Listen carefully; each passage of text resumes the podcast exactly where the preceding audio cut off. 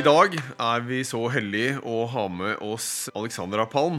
Hun er eh, analytiker i Opinion, og som mange kjenner sikkert Opinion, de driver med markedsanalyser og innsikt, og hvert år så publiserer de Ung-rapporten, som er en av landets mest omfattende målgruppestudier om norsk ungdom i alderen 15 til 25 år. Og Alexandra har jobbet med denne rapporten helt siden hun startet i Opinion i 2021, og jobber daglig med å forstå hva som rører seg i de unges liv. Hun syns generasjon Z er en av de mest spennende målgruppene å jobbe med, og hun er jo ikke så langt unna målgruppen selv. Hjertelig velkommen til oss, Alexandra. Takk skal du ha. Eh, Denne studien er jo veldig, veldig spent på å få noe utbytte og læring for alle lytterne i dag. Så jeg har lyst til å høre litt eh, Kanskje litt eh, om, om deg og opinion, hvis vi begynner der. Og også litt om ditt engasjement for si, neste generasjon i arbeidslivet. Absolutt. Ja, jeg er da 28 år, så er jo som sagt ikke så langt unna denne målgruppen som vi har undersøkt i denne studien. Det startet jo i 2021, som du sa, i Opinion, og ble med en gang egentlig kastet rett inn i dette ungteamet, som vi så fint kaller det. Og det syns jeg er kjempegøy. Det er noe av det mest spennende vi holder på med, nettopp fordi at denne målgruppen her Ting endrer seg så fort med de unge, så vi får nye overraskende tall hvert år.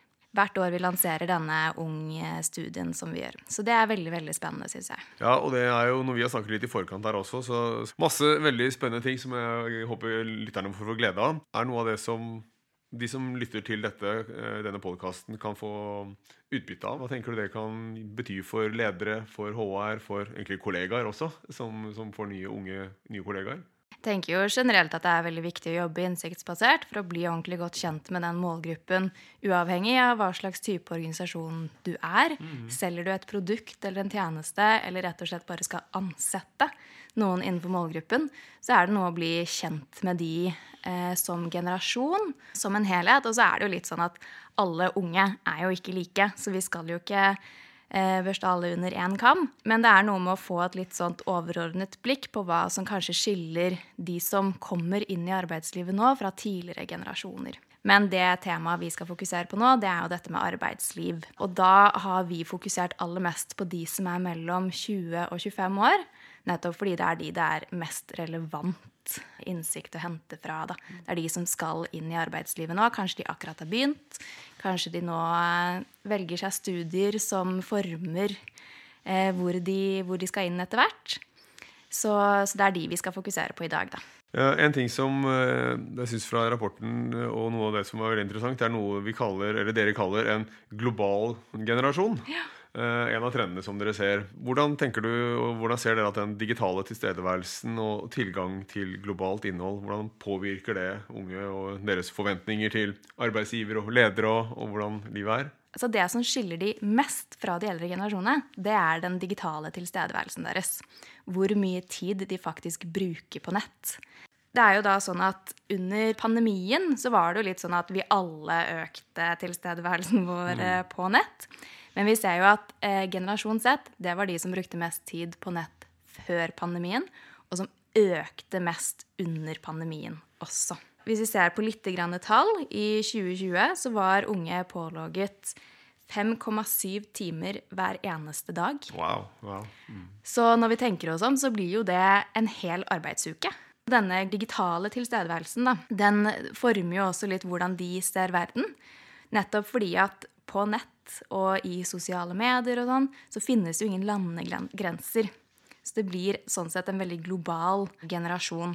Og de tar til seg utenlandske trender og fenomener som kanskje ikke nødvendigvis har en direkte kobling til det som skjer i Norge, men de blir liksom påvirket av alt det som skjer. Det finnes jo ikke sant, på TikTok f.eks. florerer av HR-storesøstre som gir tips om eh, om hvordan, eh, hvordan, du skal forhandle deg til bedre lønn, hvordan kommunisere på mail og sånne type ting, som kanskje er litt preget av en uh, hovedsakelig kanskje amerikansk arbeidskultur, men som vi ser at denne generasjonen her tar liksom til seg. da. Ja, Det syns jeg er veldig spennende. Det er så mange innganger til både læring og påvirkning. Bevisst og ubevisst, antagelig. Det er eh, noe vi som arbeidsgivere, som ledere, hva er det vi møter? Og den innsikten som er kanskje bredere, eller et annet tilfang og litt andre perspektiver som hele tiden utvikler seg. Influensere og den type, når du snakker TikTok og alle mulige andre kanaler som det er viktig at eh, ledere og de som er arbeidsgivere, at man har et forhold til eh, og vite hva som beveger seg der ute. Hvordan tenker du, eller Ser dere noe i, studiet eller som, som, du vet fra dine din, din analyser? Er det noe dere ser i forhold til også hvordan det påvirker kommunikasjon internt, samhandling, den type Hvordan det er også man, hva man forventer når man kommer inn i jobb? Ja, det kan jo uh, være litt at man har, har, litt andre forventninger, kanskje, som kanskje ikke er helt det samme som det norske arbeidsmarkedet. Mm. Man har kanskje litt andre forventninger, og kanskje opplever at ting ja, skjer på litt andre måter i det norske markedet. Da. Så her handler det jo om å klare å forventningsstyre til eh, en viss grad. Og klare å på en måte være såpass eh, gode i kommunikasjonen da, til å forklare litt hvordan en arbeidsdag faktisk fungerer. For det er jo noe med det at eh, det er en ganske stor overgang for å gå fra studier til fulltidsjobb ofte.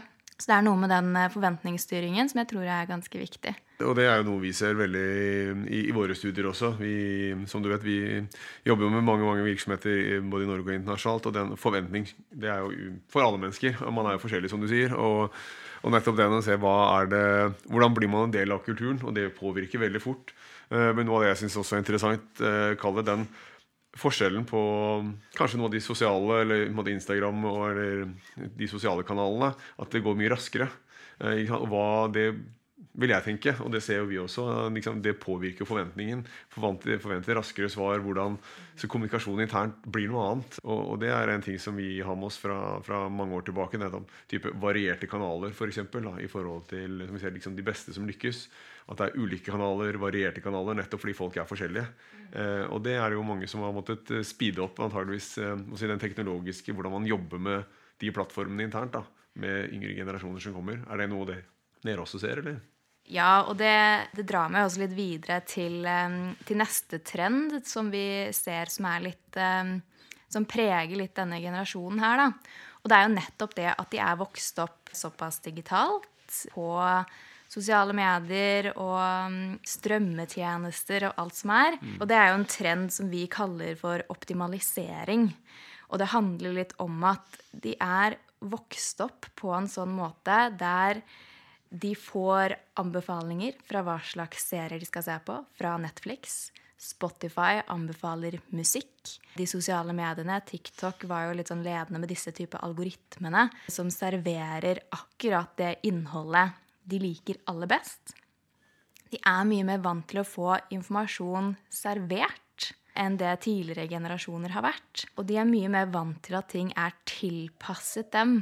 Og disse forventningene tar de jo sånn sett også med seg inn i arbeidslivet. Har kanskje større forventninger til tilpassede karriereplaner, til eh, oppfølgingsløp osv. Her er også krever det kanskje litt mer, mer, oppfølging fra ledere, nettopp fordi at de har kanskje litt andre forventninger til hvordan ting eh, blir lagt opp for dem. da. Og det handler jo ikke om at de er en sånn generasjon som på en måte er late og ikke gidder å jobbe for ting, eller at de liksom forventer å bare få alt. Men det er sånn de er vokst opp. Og det er, det er litt tiden de lever i, egentlig. Det er tettere oppfølging i skolen enn det det var tidligere. Foreldre har færre barn nå enn tidligere, så de har blitt fulgt opp tettere hele livet da, enn det eldre generasjoner har gjort. Vi har jo, hører jo det fra mange, eh, om det er curlinggenerasjon og puter under armene og den mm. type. Men jeg synes det er veldig interessant det du sier, for den delen av det er, opplever jeg veldig kjent blant veldig mange også vi møter eh, der ute. Men akkurat den koblingen til teknologien som du tar, synes jeg er veldig interessant i den der, hvordan alt ligger til rette. Det er måte, teknologi og algoritmer som gjør at du får ting servert. Den optimalisering, som, som dere kaller det der, den synes jeg er veldig interessant. Og det er ikke noe som jeg har vært veldig bevisst på. Eh, for det andre, måte, ja, Vi vet det, hvordan det er med liksom, mindre familier og det som har vært kanskje i, i generasjonen foran også, mm. men hvor, hvor, mye teknologien egentlig har gjort de siste, bare de siste få årene. Hvor mye uh, hvor fort det også blir en del av hverdagen til uh, de yngre. Det er for så vidt til alle, men enda mer til de, da, på en måte hva de også forventer. Så, så det, det, var en veldig si, aha-opplevelse for meg. Det syns jeg er veldig interessant. Det er, og når man tenker etter, så ja, det er jo en selvfølge. man skjønner jo, men. Det liksom, ja, har det hvor langt er det egentlig kommet? Og, for det er kanskje enda mer en del av de unges hverdag da, enn eh, de som er en eller to generasjoner eldre. Ja, ikke sant. Så det handler jo mye om kommunikasjon ikke sant, fra, fra ledere. Og også eh, igjen kanskje hjelpe med å forventningsstyre litt, grann, da, fordi de rett og slett er litt mer vant til at forholdene er tilpasset dem, og ikke at de må tilpasse seg forholdene. Som man jo må på en arbeidsplass ofte. Så, så, det er noe med den eh, overgangen der også, da. Mm. Eh, som sikkert kan være fint å være litt ekstra bevisst på med denne generasjonen.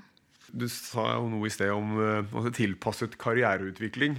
Og utvikling, eh, altså utviklingsmuligheter er jo noe som de fleste ønsker å bevege seg i en eller annen grad. Også interessant, som vi ser, når vi også ser de, de unge, så ser vi at den muligheten for å utvikle seg, den oppleves, i hvert fall på de dataene vi har, med alle de virksomhetene vi jobber når vi ser liksom nasjonalt, nasjonale studier, så ser vi at yngre har en mer positiv opplevelse. At de får utvikle seg.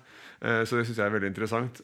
Og da, liksom, hvordan er det da arbeidstakere møter eller den forventningen som de har. da. Og, og den du sier, tilpasset. Eh, for det er jo igjen hver enkelt person Det betyr ikke at man skal på samme kurs eller ha samme opplæringsløp internt, men det er jo klare å få ut det fulle potensialet i hver enkelt eh, og gjøre det på smarte måter for arbeidsgiver. Bygge seg selv opp da, som en, eh, som en ekspert kanskje på sitt felt.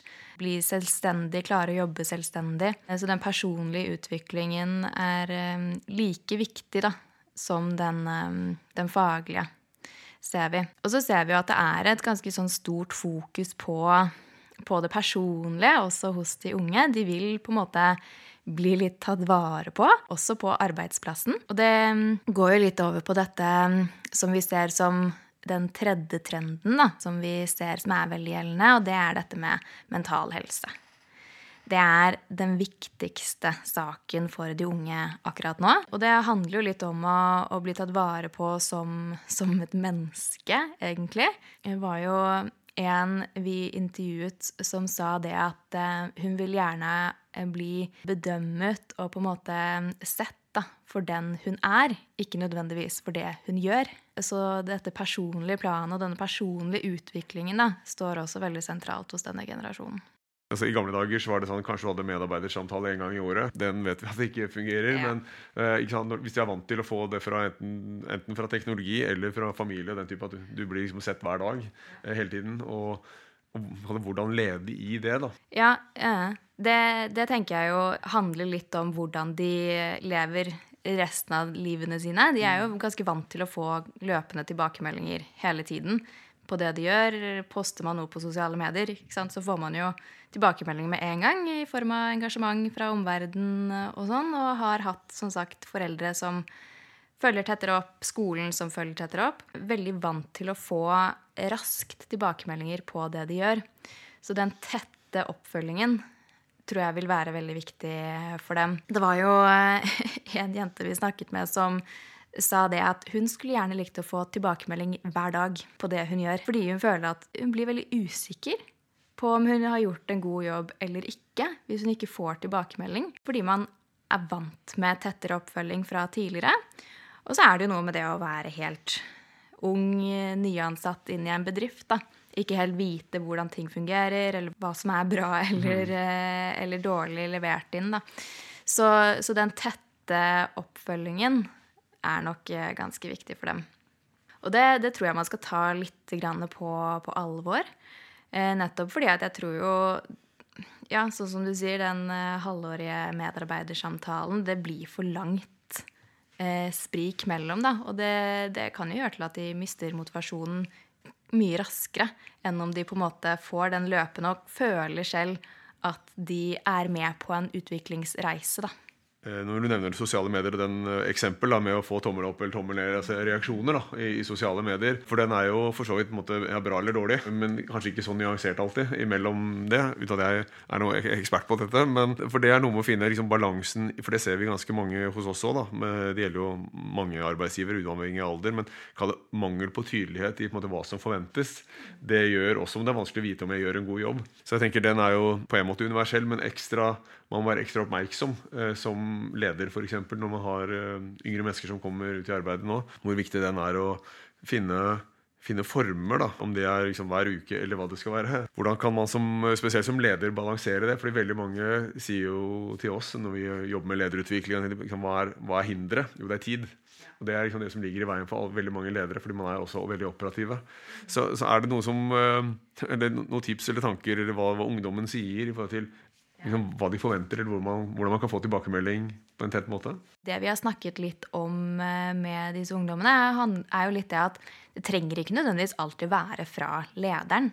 Det kan gjerne være fra kollegaer man har jobbet på prosjekt med, eller de man eh, jobber tettest med på, på et eller annet team å få løpende tilbakemeldinger fra, fra, de menneskene rundt deg. Da.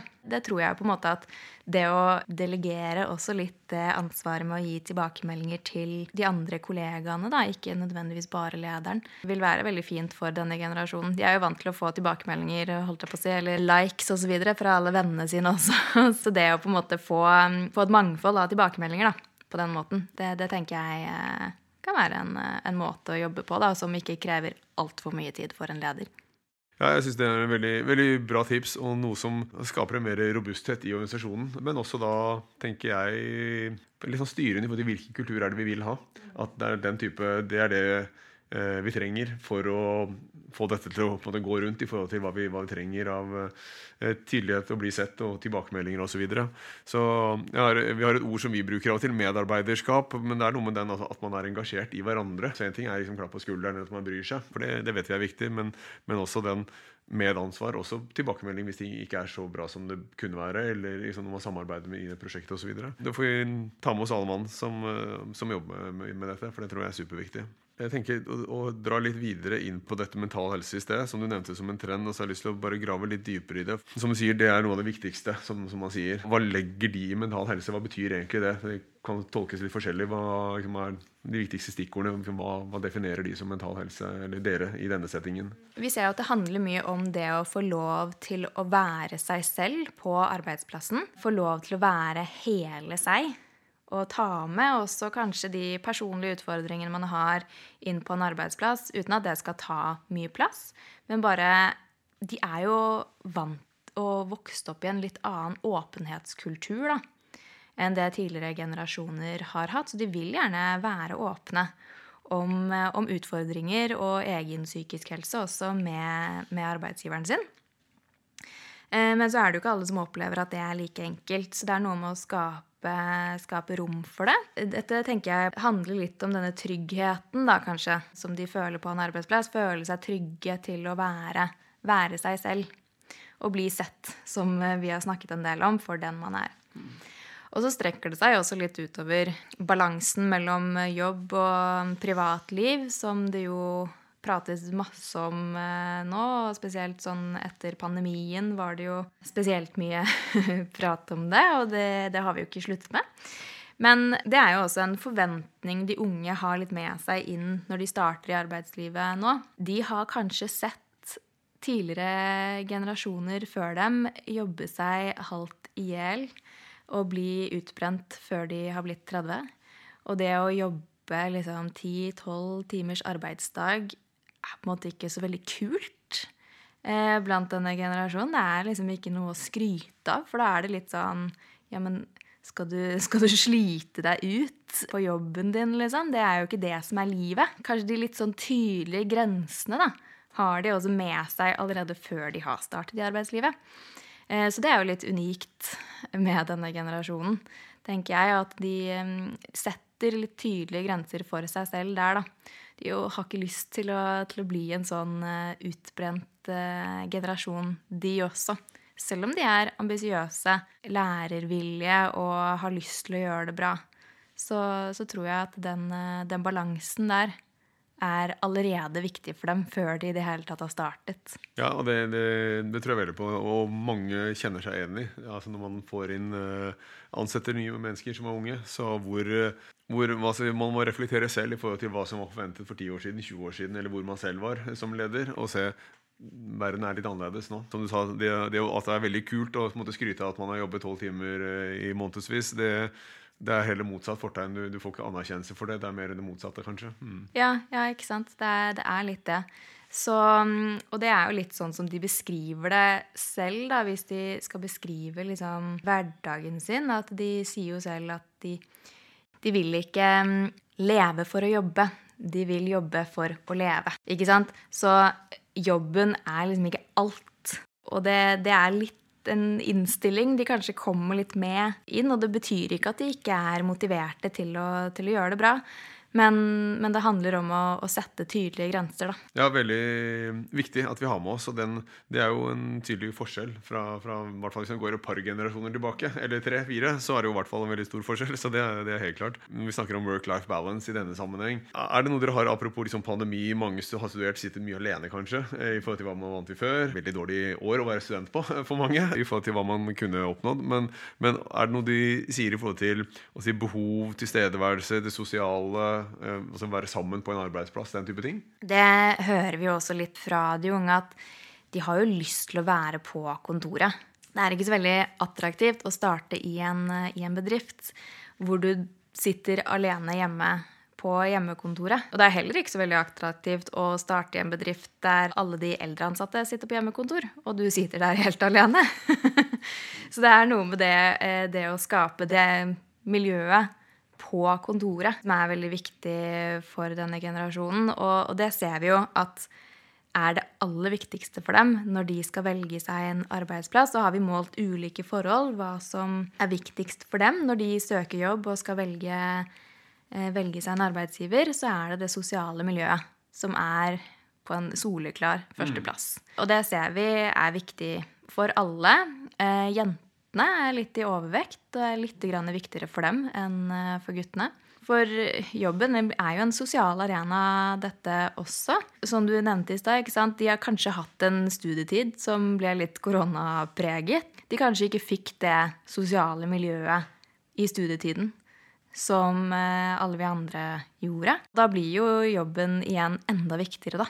Ikke sant? Som en sosial møteplass.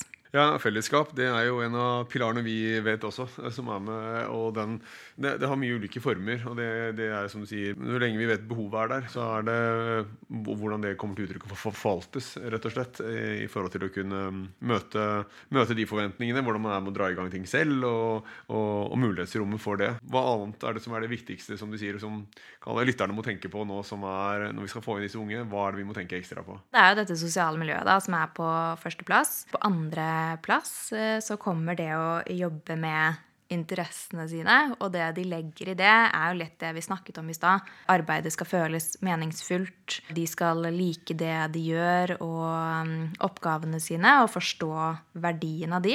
Og så det vi også har pratet en del om, som kommer på tredjeplass, det er dette med læring og utvikling. Utviklingsprogram, mentorordninger. De vil utvikle seg faglig og personlig. Og jeg tenker Når du sier det, så er det noe med å si hvor viktig rekruttering er å være ærlig i rekruttering i forhold til hvem man, hvem man er som arbeidsgiver. Når du sier finne passion i, i jobbe med interessene sine. Hvordan man passer faglig også, kanskje. Men, men å finne den kulturelle eh, sammensetningen også. Det som passer inn i kulturen. Da, hvem, vi ønsker, eh, hvem vi ønsker å være. For der ser vi, vi i hvert fall veldig interessant det du sier der. altså Hvordan møte det hvor de de, de, virkelig de som lykkes. da, De er veldig gode på rekruttering.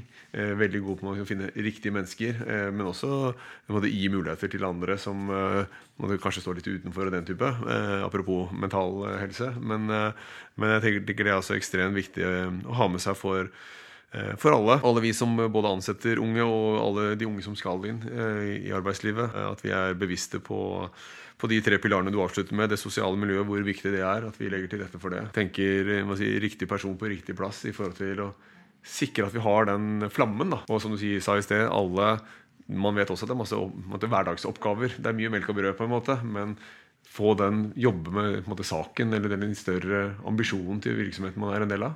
Er det noe som vi, du tenker lytterne våre Det er mye ledere, det er mye som, mange som jobber med type HR, organisasjonsutvikling og den type roller. Er det noe du tenker fra denne rapporten sånn, dette er noe vi ikke har vært inne på, som det må vi få med oss vi, som en sånn avrunding på, på dagen? Tenker vi har vært innom eh, ganske mye, men vil jo bare si det at opplever jo ofte at folk har et litt feil inntrykk av denne generasjonen. Nettopp det med at de, ja, de forventer så mye, og de forventer at alt er tilpasset og blir liksom servert ting på et sølvfat. Det stemmer jo ikke. Det er en ambisiøs generasjon eh, som vet hva de vil, og de har jobbet hardt for å komme dit de er. Det er jo mye høyere karakterkrav nå enn det det har vært tidligere. Enda flere som tar høyere utdanning. Så de er ambisiøse, og de er læringsvillige. Men de setter grenser for seg selv.